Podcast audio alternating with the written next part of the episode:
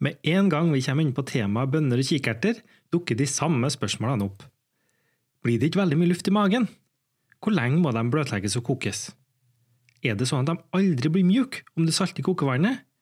Og er det ikke noen greier som heter lektiner inne i bildet, og som vi må være forsiktige med?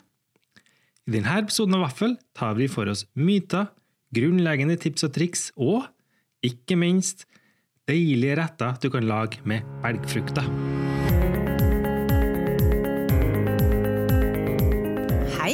Jeg heter May-Britt, og jeg sitter her på kjøkkenet mitt i Oslo. Og jeg heter Vidar. Jeg sitter på mitt kjøkken i Istanbul. Velkommen til Vaffel, en podkast om mat.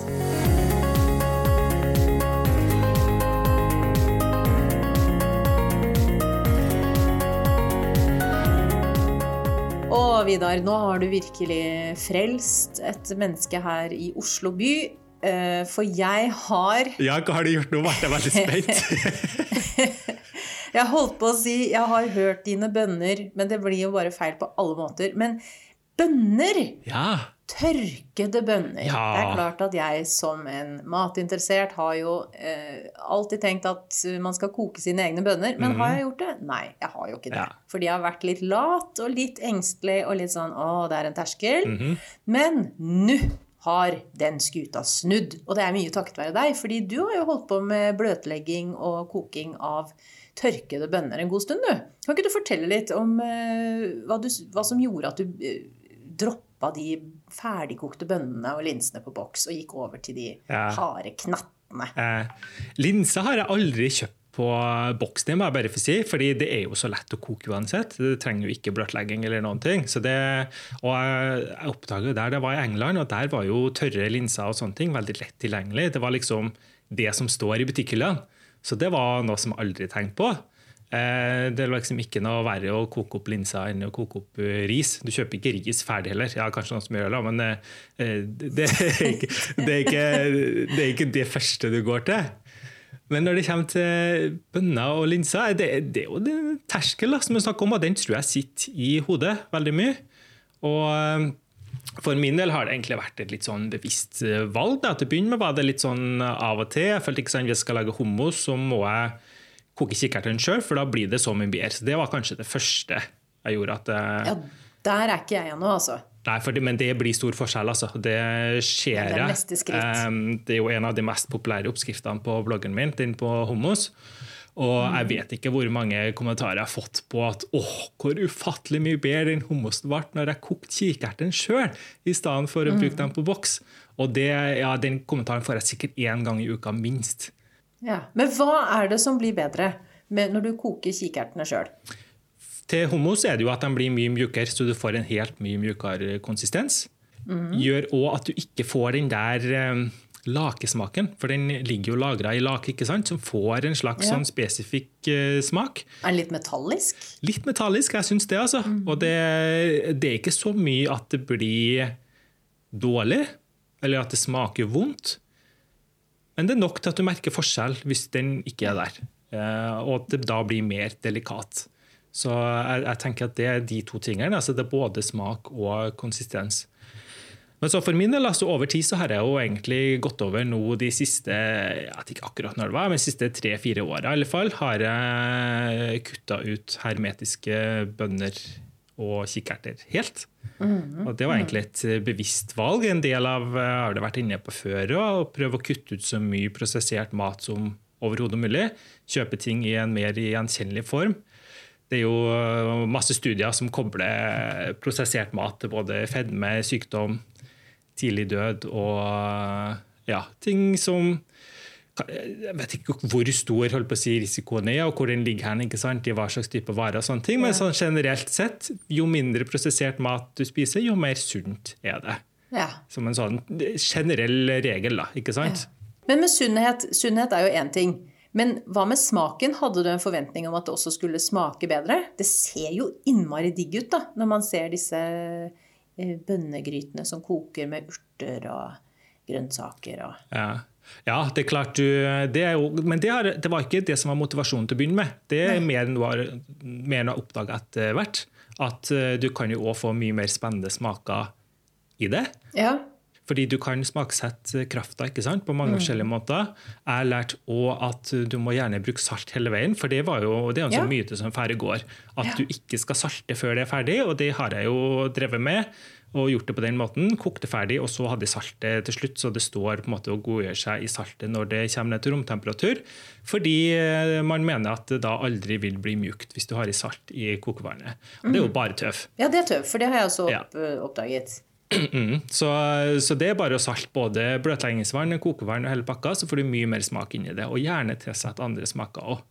Ja. Uh, men bare for å gå tilbake, så jeg ikke høres ut som en helt sånn hysteriker på det der med prosessert mat. For kikerter på hermetikk er jo ikke så prosessert. ikke sant? Du ser jo hva det er for noe sånne ting. Men jeg tror det er ganske mye salt i det. Salt, og så hva er den der laka? da, ikke sant? Eh, Det skjer jo mye rart i den industrielle delen av matindustrien. Det må vi være såpass ærlige å si det. Jeg husker jeg bodde jo i England da de eh, hadde den der store kjøttskandalen der. Jeg vet ikke om du husker på det? Kugalskapen. Eh, Nei, etter det. det var, de har jo hatt den, ja, men det hadde kanskje andre årsaker. Men Tesco, det husker jeg òg. For jeg hadde jo en sånn Tesco var jo en butikken som jeg pleide å handle fra. Det sto rett ved Ja, den var jo, og det er jo en pen butikk. En sånn fin Ja, jeg tror det. I, I London er det liksom litt sånn billig butikken. Er det det? Ja, for der har du Sainsbury's og ikke minst Waitrose. Å, I alle fall i litt finere deler av London. Da, så er det, så er, altså Tesco har en del bra òg, men de har òg Tesco Value, da, ikke sant, som er sånn veldig billig greier. Okay. Men går du utafor, hvis du er i Chelsea, så er Tesco et litt sånn. Billig alternativ. Men hvis du bor i Luton, så er jo Tesco Ja. luksusvarianten. For da er jo Aldi og Lidl og det der som Ja, ligger rundt. Jeg bodde jo i Belfast, Ja. og da skal jeg hilse og si at eh, Og jeg bodde jo i eh, katolsk arbeiderklassestrøk. Mm. Noen kalte det getto. Eh, og der var jo Tesco litt sånn den fine butikken. Det var litt sånn Jacobs Ja, ja. på Holte, hvis du skjønner. Ja. Ja, ja, ja. Så det var derfor jeg trodde det. Men jeg tror ikke Jakob Spalte hadde solgt de der burgerne som ble litt eh, berømt etter hvert. fordi jeg husker jeg så de burgerne sjøl i fryseboksen. Seks burgere til ett pund. Herregud. Det var da, Den gangen var det ti kroner. Ja. Og jeg, jeg tenkte hva i all verden er det i de burgerne der? ikke sant? Og det viste seg jo det, da. At det var hestekjøtt fra Romania. Nei! Ja. Så det var jo den skandalen som rulla opp, og de begynte jo da å teste en del kjøtt fra andre plasser. De fant ja, sånn kjøtt fra ei kebabsjappe, eh, sånn tilfeldig kebabsjappe. De testa da mot forskjellige typer dyrekjøtt, og de fikk ikke treff på noe som helst. Nei. Bortsett fra hund og katt. Så hva det var, det vet vi ikke, da.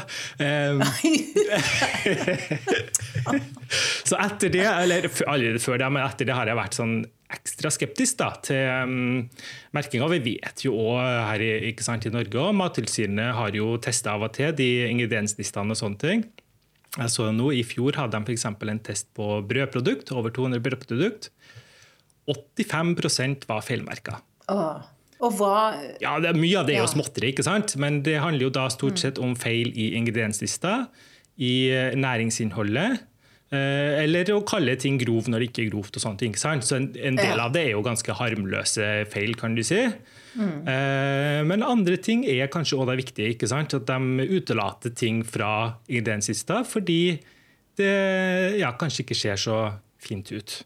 Eh, Så, så, så for min det handler ikke om at jeg tror at det er så mye rart i alle de kikkertboksene. Det er ikke det jeg tenker på, men jeg vet ikke. Kjøper jeg dem tørre, så vet jeg hva jeg har. Ja. Og for, for jeg tenker det at det, ja, Når det er 85% som er feilmerket Jeg vet ikke hvordan det er med deg, men når du legger ut ei oppskrift på bloggen, eh, glemmer du en ingrediens eller to i 85% av tilfellene? Nei, da hadde jeg vel Nei. kanskje ikke hatt en blogg lenger. Da hadde jeg hatt en hale med mennesker etter meg som ville ta meg. Nettopp. Så det, så det må jo være systematisk, ikke sant. Så, så da tenker jeg bare for min egen del, hvis jeg kan unngå det, så unngår jeg det. Eh, og så tror jeg det at det ikke altså, det er ikke kikerter på boks eller hermetiske bønner du skal være mest redd for, og at det kan være særlig fint for den som er litt ny til det. Så er det en veldig fin måte å begynne på, tenker jeg, fordi det er så lettvint. Ja. Og når du først har kommet i gang, eh, så tenker jeg at da er det naturlig å kanskje begynne å tenke på å lage det sjøl, for det er faktisk eh, ikke noe vanskelig. Det er, terskelen ligger mest i hodet ditt, tenker jeg da. ja. Også det, fordi, også det at man eh, tenker at det tar 100 år fordi det skal bløtlegges.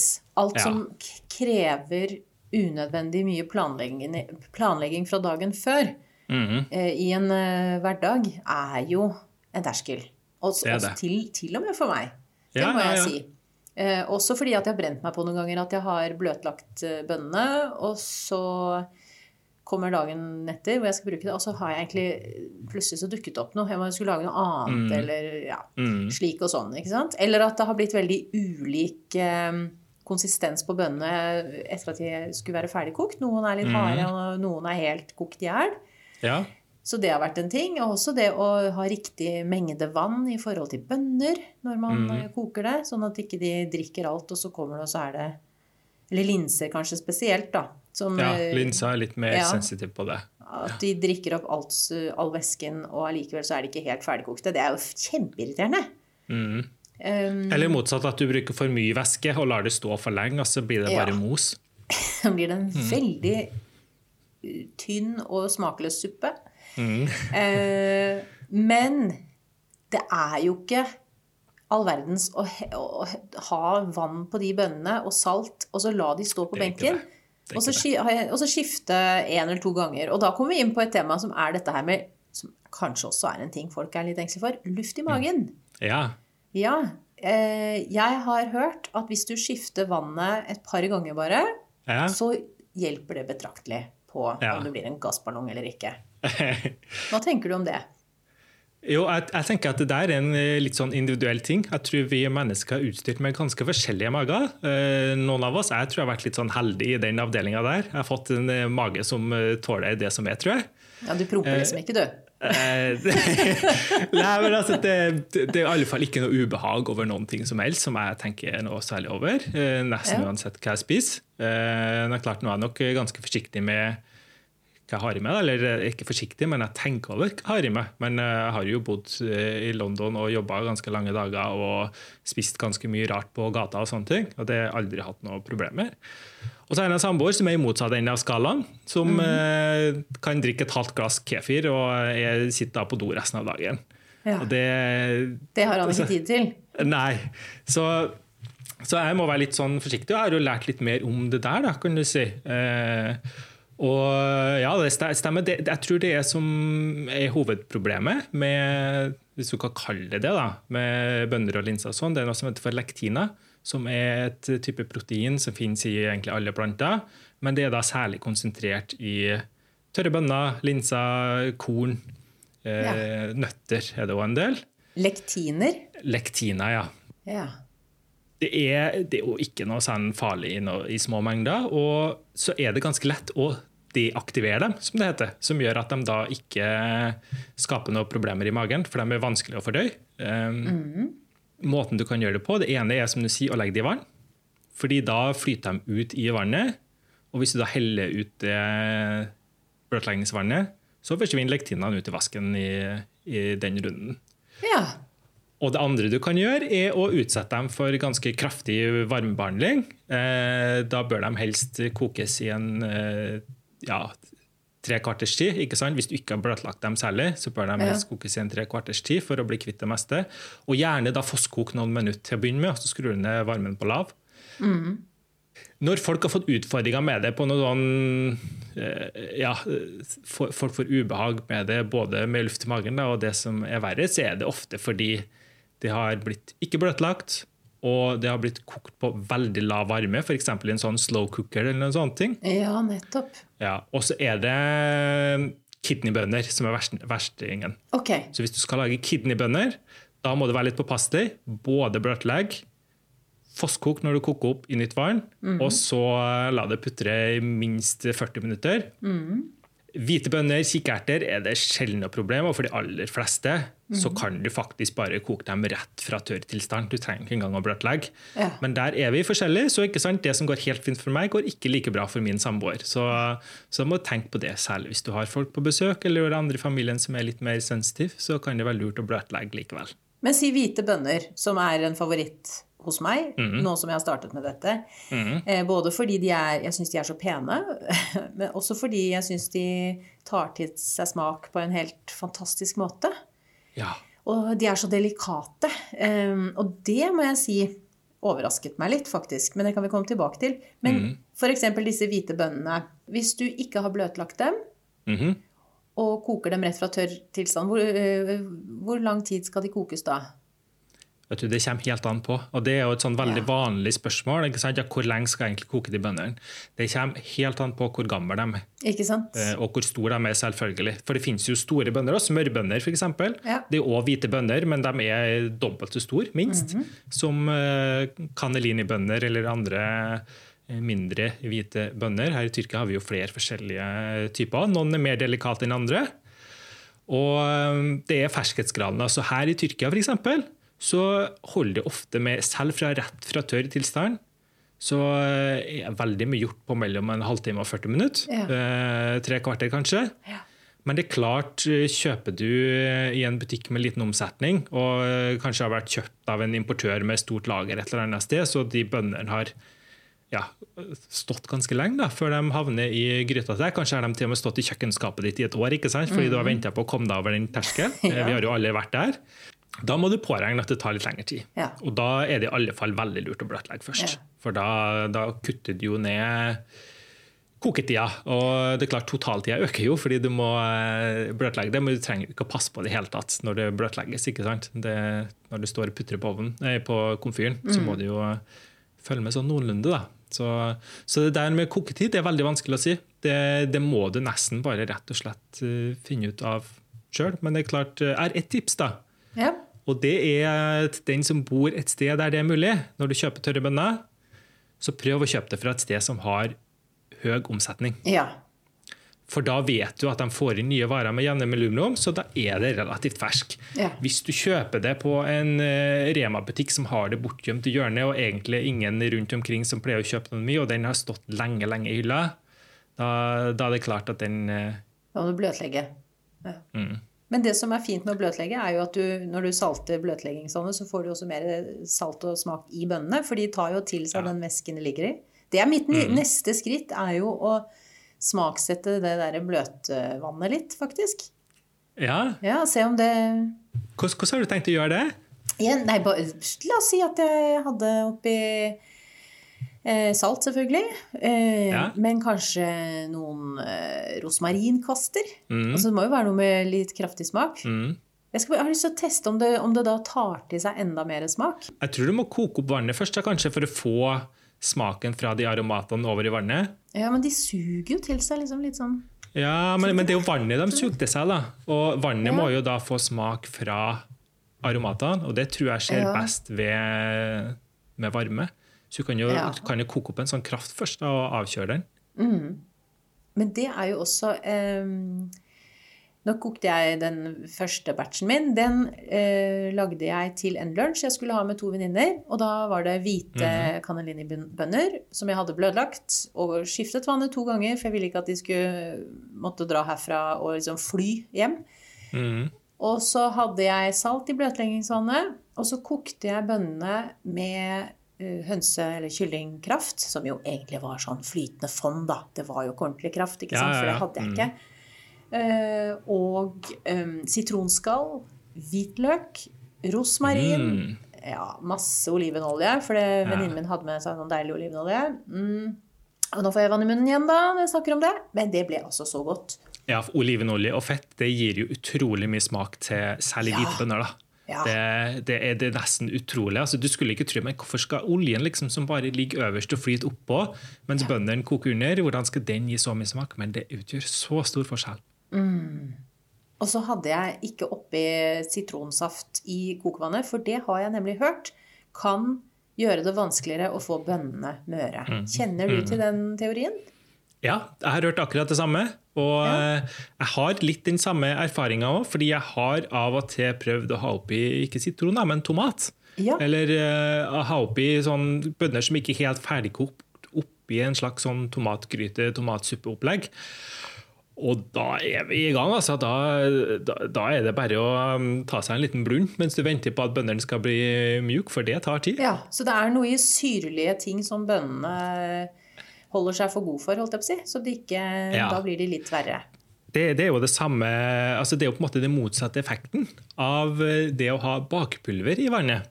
Ja. For det er jo noen som òg bruker basisk. Særlig hvis du lager nettopp. Særlig hvis du lager hummus og vil ha det så mjukt at det egentlig bare faller fra hverandre. ikke sant? Så du får det skikkelig fluffy og mjukt. Og Det handler jo som sagt med at det, som du sier, at det er basisk, og basisk gjør at eh, skallet bryter ned lettere. Og um, at du da får mjukere bønner tidligere. Så Det kan jo også være et sånt tips hvis du vil korte ned koketida. da, Det å ha oppi litt eh, bakepulver i vannet. Og Det er faktisk noe de har funnet ut av fra gammelt av òg. Fordi de har eh, i gamle, gamle gamle dager, altså snakker vi sånn antikkens eh, dager, så kokte de alltid bønner i eh, sånn eh, keramiske gryter. Ah. Sånn type terrakotta eller noe sånt, sikkert. Ja, ja, ja. Og de har de funnet ut da i ettertid at de har en sånn naturlig basiskhet i selve materialet, som da eh, reagerer med vannet og gjør det mer basisk. Ok. Så det var eh, antageligvis noe i det, da, at du skal bruke sånne keramiske gryter til å koke bønner. Ja. Så, så det har de visst om fra gammelt av, før de visste hva basisk og eh, sånt var. Hadde ikke lakmustest i antikken. Nei. Men jeg vil si, det er jo overraskende hvor mye smak det blir i en sånn bønnegryte. Det, det, det høres jo Det er jo litt sånn fattigmannskost. og man, eh, Jeg ser for meg Robin Hood og Little John som står ved en svær gryte i skogen, og så er det eneste de har, er liksom å koke noen bønner og spise. Bønnegryte. Bønnegryte. Det høres jo Jeg kan forstå at ikke det høres ut som en smakseksplosjon. Men det kan det jo virkelig bli. Ja. For det er jo utrolig hva de tar til seg av, eh, av smak, altså disse bønnene. Ja, hvis din eh, si, hovedeksponering til bønner har vært eh, Heinz tomatbønner på boks, som det kanskje har vært til en del, så er det kanskje ikke så rart at du har den assosiasjonen. Vi har nok alle hatt den, men det var samme for meg. Så da jeg begynte med å smaksette krafta, særlig til hvite bønner jeg, tror, jeg mener jo det at det er hvite bønner du har aller størst eh, si, fordel av å koke dem sjøl, fordi de passer så godt til å ta til seg de smakene på en så god måte. Ja. Og ja, ha oppi noen aromater i det vannet. Da kan du bruke rester av ting du har i. ikke sant? Vi snakka om eh, sånn eh, paprikasnabber og sånne ting for noen eh, uker siden. Altså Hvis du har noen sånne småting i kjøleskapet, så er det veldig fint som kan bruke til å smaksette. Du tenker bare på det som om det var i kraft, ikke sant? Ja. Og det gir smak Ja. til, til bøndene. Og krafta blir jo kjempegode. ja. Jeg pleier jo, når jeg lager bønner på den måten, og har i, bruker masse olivenolje og noen gode aromater, da spiser jeg det jo bare som det. er. Bare ause oppi eh, ei skål bønner med krafta. Kanskje en urter eller en urtesaus og eh, toast, og så en aioli, f.eks. Ja.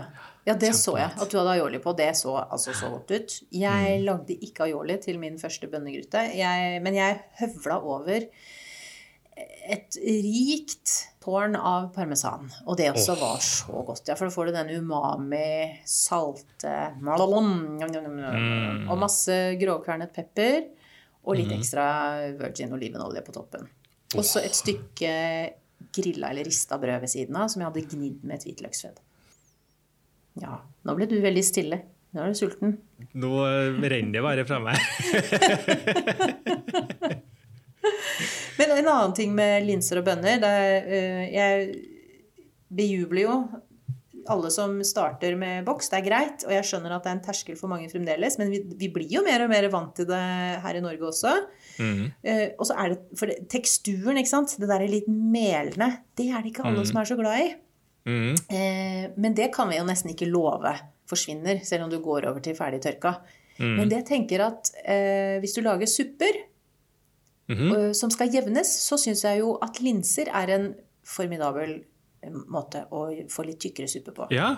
Røde linser, tenker du på da, eller?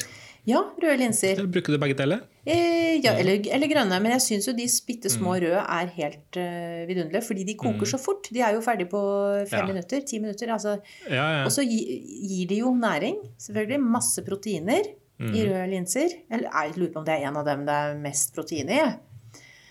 Og så får du jevnet og eh, tyknet til eh, suppene dine. Gulrotsuppe eller tomatsuppe eller hva søren det nå er. Men jeg pleier nå, nå har jeg begynt å koke opp en stor porsjon med linser på søndager, Mm. som står i kjøleskapet. Og så er de klare til å putte oppi også salater. Disse lunsjsalatene som jeg pleier å ha på meg. Ja, det er jo kjempelurt. Ja, veldig. For det, metter altså. Jeg blir mett på en helt annen måte enn eh, enn om jeg ikke har med de linsene. Ja, ja, ja. Også, ikke sant, eh, mange lager jo f.eks. pastasalat, eller eh, Det er jo godt, det òg, på en måte, men jeg syns du får mye mer spennende smaker ut av linsa. For da kan du Altså, det tar til seg dressinger og sånne ting på en helt annen måte. Ja. Og, bare, og når jeg sier dressing, så trenger ikke det å være noe mer enn en skvis sitron og noe ekstra virgin olivenolje og litt finhakka urter. Ikke sant? Det er kjempemasse og mer enn nok uh, smak. Så det, det, jeg, det var faktisk et kjempelurt tips. Å ha, det pleier ikke jeg å ha, men eh, å ha da særlig grønne linser stående, eller brune linser. Brune er jo litt finere enn eh, grønne Ja. som regel. De der store grønne blir ofte litt sånn tørr og udelikat på overflata. Ja, de er ganske melende. Ja. Men hvis du kjøper eh, brune linser, eller det som Det aller fineste er jo de franske Pouille-linsene. Jeg vet ikke hvordan du uttaler det. Oh, ja. Eller beluga. Beluga det bruker jeg veldig mye. De er jo helt svarte. Ja, Ser ut som beluga-kaviar. Ja, nettopp. Og de er ja, kjempefine til salater. Og, da, og det holder seg jo mange dager. Men de holder seg også veldig godt i formen. Så de, de, Ja. de fine, røde, bitte små røde linsene de koker jo gjerne litt i stykker og blir litt mer sånn ja. ubestemmelig i formen. Det gjør ingenting. Men jeg lagde en lunsjsalat uka som gikk, og i den så eh, hadde jeg eh, søtpotet som jeg hadde bakt i terninger i ovnen. Og eh, rosenkål som jeg hadde bakt i ovnen med olivenolje. Jeg bakte de to inn i ovnen. Og så hadde jeg de røde linsene. Det var en god kombinasjon. Ja, veldig godt. Jeg hadde over eh, en krydderblanding eh, med kummin, koriander Ja, det var alt mulig oppi den blandingen. Paprika. Litt sånn Eh. over i, i dine områder krydder.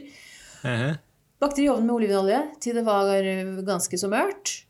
Og så hadde jeg de røde linsene. Og så hadde jeg revet gulrot.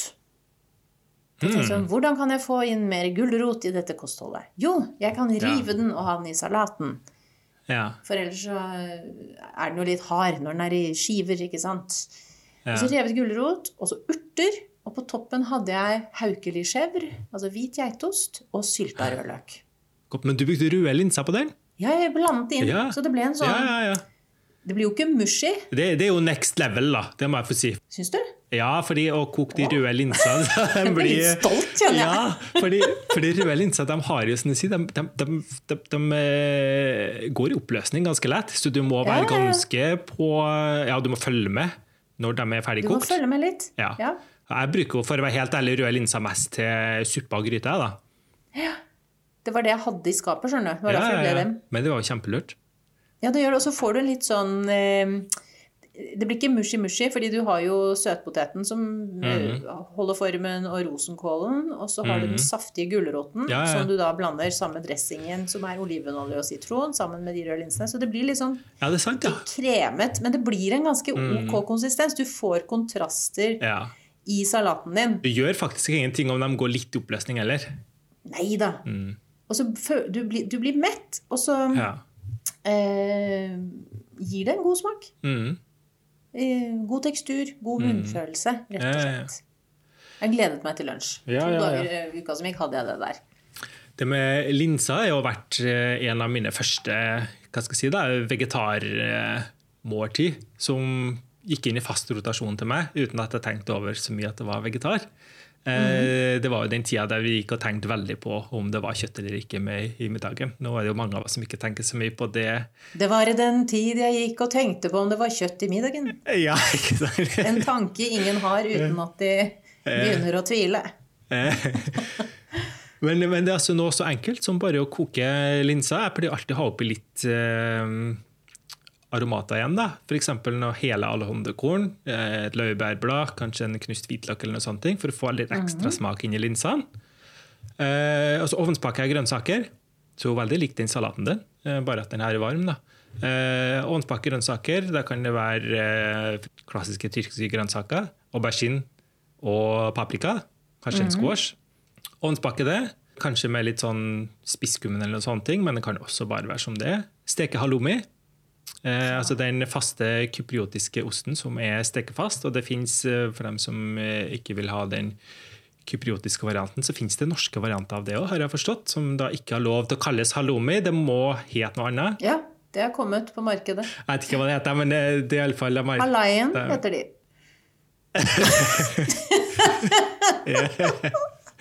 det var en dårlig vits. Jeg innrømmer det. Og så bare blande urter. Og det er liksom, da har så superenkel middag. ikke sant? Linsene putter for seg sjøl. Grønnsakene gjør seg sjøl ovnen, så alt du trenger å gjøre, er bare å steke noe halloumi og hakke opp urter. Kjempegod middag. Og da var det brune linser du brukte? Ja, jeg bruker de som holder seg i formen. Eller grønne, da. De store grønne, som er kanskje mer eh, klassisk brukt i Tyrkia. Men de ser mindre delikate ut, da, som sagt, fordi de blir melende og visfarga på utsida, kan du si. Litt sånn hvit, nesten. Ja. Eh, smaken er jo like fin, men de blir eh, ja, går litt lettere i oppløsning. Hvis man lager den store porsjonen med linser og har i kjøleskapet, så tenker jeg også at man har et veldig godt utgangspunkt for å lage mer mettende salater til f.eks. et restemåltid, hvor det er akkurat kanskje litt lite. Eh, At man lurer på om man blir mett. Mm. Dette gjorde jeg nemlig i går. Ja. Jeg hadde igjen eh, røde linser fra den omgangen jeg lagde da fire dager tidligere. Mm. Så var det igjen lite grann. Og så hadde jeg tatt opp en eh, eh, fiskegryte, tomatbasert fiskegryte med oliven og kapers, litt sånn putanesca-aktig, med, mm. med lange, som jeg hadde fryst ned. Oh. Den tok jeg Ja, den var nydelig. Tok Ja. den opp. Og det var Olivia, datteren min og jeg, skulle spise det. Og så så jeg ok, det er akkurat Det er sånn at du jo, du blir for så vidt mett, men ikke helt. mm. Og jeg hadde ikke mer brød igjen heller, som vi kunne ha ved siden av. Men da hadde jeg bare oppi de linsene. Ferdigkokte Mm. linsene. Og da ble, vi, da ble det liksom akkurat et eh, substansielt måltid for oss begge to. Eh, så det er også en fin måte å spe ut ting, tenker Mm. jeg. En gryterett med kjøtt hvor det ikke er eh, Du tenker det skulle vært akkurat litt mer, så kan Ja. du ha oppi de linsene. Og kikerter og bønner er akkurat det samme. Ja. Jeg gjør jo ofte det, og jeg gjorde det her om dagen. Jeg hadde en uh, kyllinggryte jeg hadde laga en dag. Og um, jeg lager jo alltid så det blir nok til lunsj neste dag. Og så ble det enda litt mer den gangen her.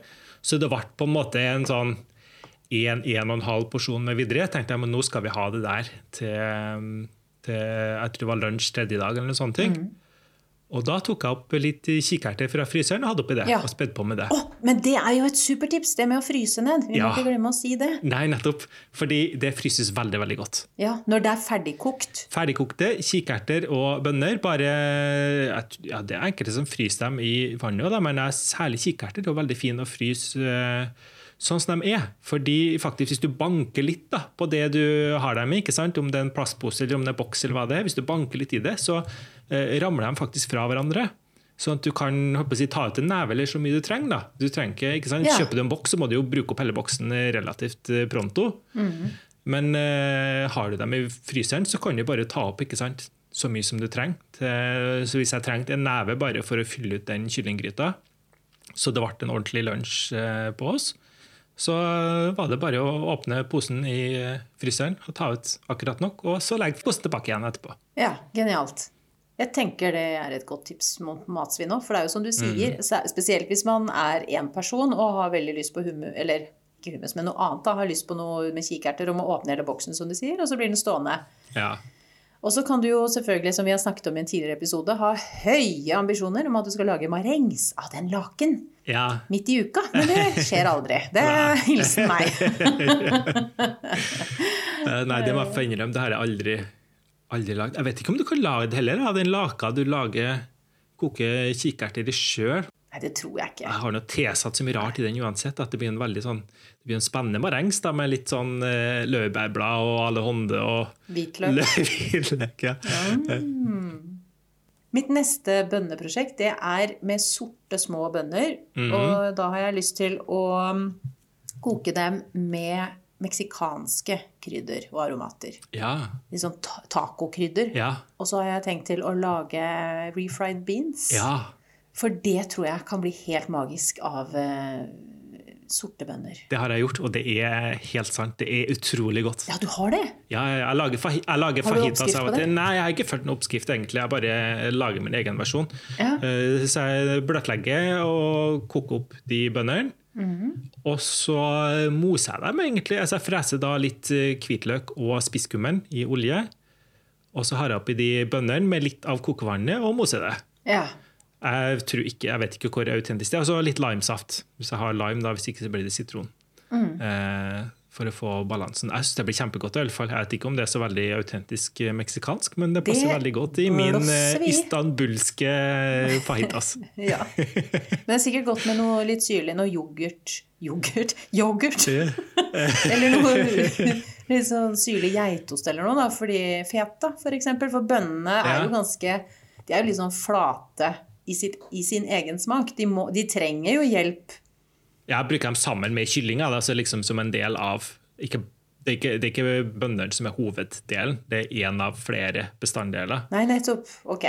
Mm. Tror det skal du ha bare bøndene, f.eks. sånn lage en quesadilla eller noe sånt. Da må du nok ha noe, ja, både noe saltost og litt sånn smeltbar ost, tenker jeg da. Ja. Kanskje noe sprøtt ved siden av. Og godt med lime. Ja, det tror jeg nok. Men ikke oppi kokevannet. Nei, ikke før det er ferdigkokt, i alle fall. For da blir det aldri kokt. Nei, nettopp. Også svarte bønner. Jeg vet ikke om svarte bønner går i kidneybønnefamilien eller ikke, men kanskje det er greit å være litt sånn forsiktig med bløtlegging og koking av dem. Ja, ja. Mm. Og ja, For å være på den sikre sida. jeg skal gi deg en tilbakemelding. Ja. Hvis du med mindre plutselig ser meg fly, fly over Istanbul. Karlsson på taket. Eh, en ting til som er lurt med kikkerter og bønner, og sånn, og det var kanskje sånn jeg begynte å bruke det mest til å begynne med, da. det var jo for å prøve å unngå å spise å si, ris eller pasta eller sånn, veldig mye karbohydrater hver dag. Altså, det er faktisk et veldig godt alternativ å bruke kikkerter eller bønner i stedet. Ikke sant? Der du Ja. ellers ville ha servert ris eller noen sånne ting. Fordi det metter så godt. Det metter godt, og så er det smaker veldig godt og passer til veldig mye. Særlig hvite bønner, da, for eksempel, som er ganske mild i smaken. Så bare et enkelt triks. Litt olje, hvitløk, fres det i et halvminutt. Peis oppi en del bønner, kanskje litt finhakka urter hvis du har det.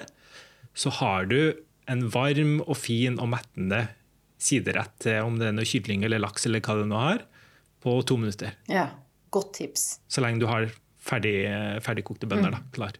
Men da, helt, eh, da kan vi egentlig oppsummere. Bønner og linser fra scratch, fra tørket tilstand. Og da tror jeg i hvert fall at mitt tips vil være at begynn med eh, cannellini-bønner, de hvite små. Fordi de eh, er så delikate, de er vakre, de tar til seg smaker raskt. Mm. Og trenger egentlig nesten ikke bløtlegging, med mindre du tenker at du har en litt sart mage. Absolutt. Og husk salt.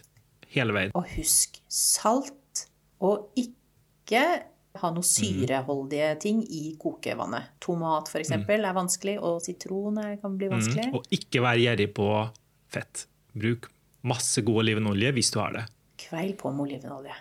Mm. Det skal ligge et lag på toppen. Altså, du skal ikke skje vannet. Det skal være et lag med olivenolje på toppen. Ja, du skal kunne gå på skøyter. Ja, ikke sant. Nei, nå tror jeg nesten jeg må gå og begynne å lage en ny batch her, og Ja. eh, fylle opp fryseren.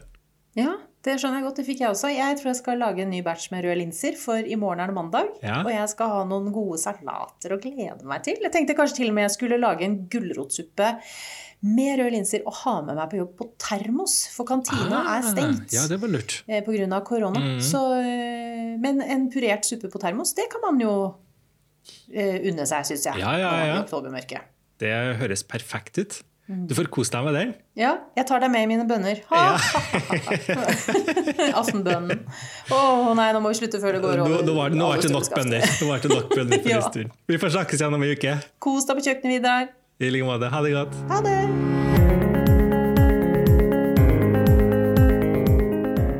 Abonnerer du på nyhetsbrevet vårt?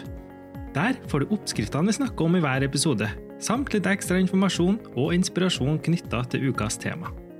Du finner det på vaffel.substack.com, og lenka dit finner du òg i episodebeskrivelsen der du hører på oss, eller på Facebook-sida vår.